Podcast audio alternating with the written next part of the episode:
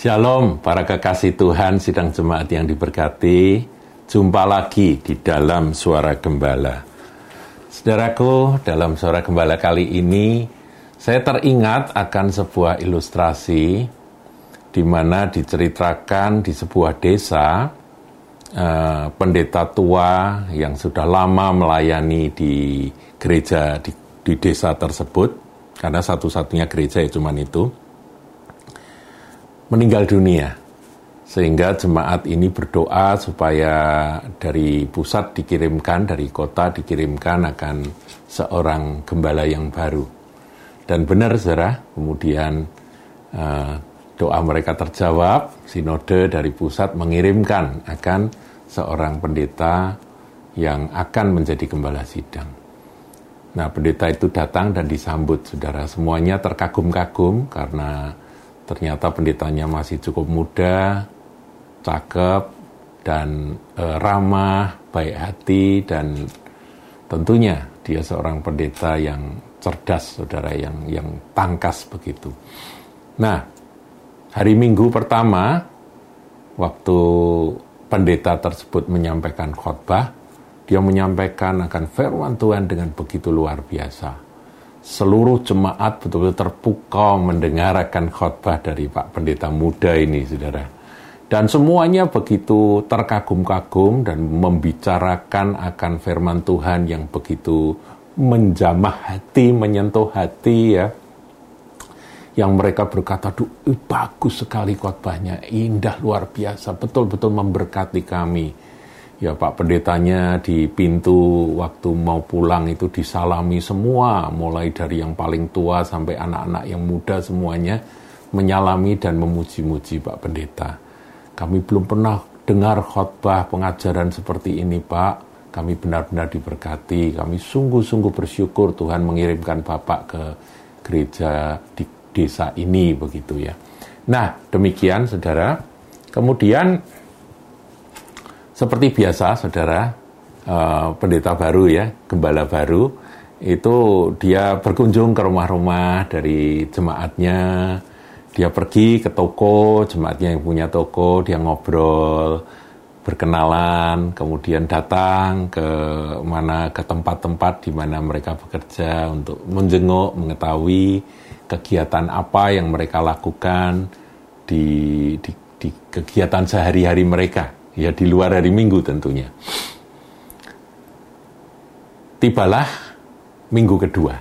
Nah, ketika minggu kedua uh, ibadah dimulai, uh yang datang banyak saudara yang biasanya malas ke gereja pada datang karena anu ya pendeta baru gitu ya mereka waduh ini pasti beritanya sip apalagi uh, khotbah minggu lalu itu tersiar kabar menjadi buah bibir saudara dari para jemaat sampai semua orang mendengar akan betapa hebatnya khotbah dari Pak Pendeta itu. Nah, mereka menantikan setelah puji-pujian, mereka menanti-nantikan Pak Pendeta itu e, menyampaikan khotbahnya. Dan ketika khotbahnya disampaikan, mereka semua mengkerutkan alis. Karena apa, saudara? Ayat yang dipakai sama persis dengan minggu lalu. Kemudian waktu khotbah semangatnya luar biasa, khotbahnya bagus. Tapi persis sama seperti apa yang disampaikan minggu lalu. Ya tentunya semuanya terheran-heran nih, kenapa nih, apa ndak punya stok khotbah yang lain begitu. Nah, ketika semua salaman, ya masih memuji-muji, apa, puji Tuhan, bagus. Meskipun diulang bagus Pak Pendeta. Pak Pendetanya ketawa-ketawa, saudara. Minggu depan, sama saudaraku, ayatnya sama, khotbahnya sama, isinya sama, tetap bersemangat, tetap uh, sepenuh hati menyampaikannya, tapi persis sama. Itu sudah tiga kali berturut-turut kan berarti. Nah, akhirnya para penatua semuanya gerah saudaraku. Mereka bisik-bisik, majelis bisik-bisik, beberapa jemaat, orang-orang yang sudah lama di gereja itu semua bisik-bisik berkata, ini gimana nih kalau kita dikasih khotbah yang sama terus ini? Bagus sih bagus, tapi kok tiga minggu berturut-turut sama. Nah, akhirnya mereka menghadap kepada Pak Pendeta. Ya, ke kantor kon, eh, ke kantor konsistori dan mereka ber, berbicara. Berbicara dengan Pak Pendeta yang baru ini. Ya, pertama basa-basi, kemudian memuji-muji, bersyukur bahwa Bapak sudah mau dikirim ke desa yang kecil ini untuk melayani kami. Kami berterima kasih Bapak dengan kemampuan yang begitu luar biasa mau melayani tempat ini dan sebagainya basa-basi. Kemudian sampailah pada penilaian tentang khotbah. Nah, khotbahnya yang pertama mereka berkata kami sungguh-sungguh diberkati dengan khotbah-khotbah Bapak. Bapak secara homiletik luar biasa. Pengupasan firmannya begitu luar biasa penyampaiannya begitu diurapi dan kami semua diberkati. Cuma Pak, ya ini ya tiba pada pada pesan terakhirnya ini. Cuma mengapa Bapak menyampaikan akan berita yang sama selama tiga kali berturut-turut di gereja ini Pak. Itu yang menjadi tanda tanya buat kami sehingga banyak jemaat yang bertanya-tanya bahkan beberapa berkomentar mungkin tidak punya stok khotbah yang lain begitu. Dan Pak Gembala yang baru yang masih muda ini tersenyum kemudian dengan sabar dia berkata, begini Pak, Bapak-bapak yang saya hormati, saya ini me, apa ya kalau sudah selesai khotbah saya ini kan berkunjung ke rumah Anda-Anda. Di sana saya berkenalan, saya berbincang-bincang, saya uh, apa itu mau dengar bagaimana kondisi keadaan kerohanian dari dari Bapak Ibu dari sidang jemaat semua. Kemudian saya mengamati akan apa yang dilakukan. Nah, saya lihat sejak minggu pertama setelah saya sampaikan firman, saya melihat bahwa firman yang saya sampaikan, meskipun dipuji setinggi langit, tidak dilakukan di dalam kehidupan sidang jemaat. Jemaat sama sekali tidak tidak melakukannya. Nah, kemudian dia kasih contoh yang begini, begitu, yang poin satu, poin dua, poin tiga, semua dibeberkan. Saya tidak lihat itu dilakukan di dalam jemaat oleh jemaat di dalam kehidupan sehari-hari wah ini para pimpinan gereja ini pada nunduk saudaraku ya, para majelis tua-tua ini nunduk. Oh begitu ya Pak ya? Iya. Jadi kalau saya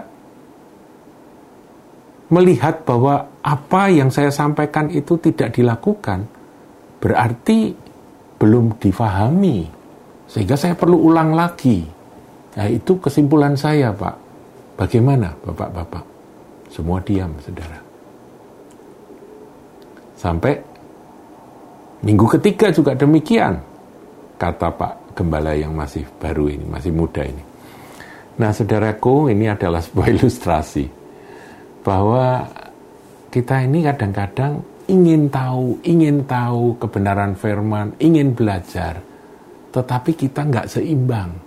Pengetahuan banyak, tetapi pel, apa, pelaksanaan firman itu sedikit atau kurang.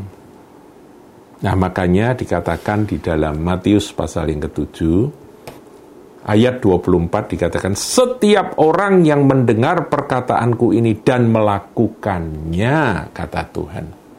Ia sama dengan orang yang bijaksana yang mendirikan rumahnya di atas batu.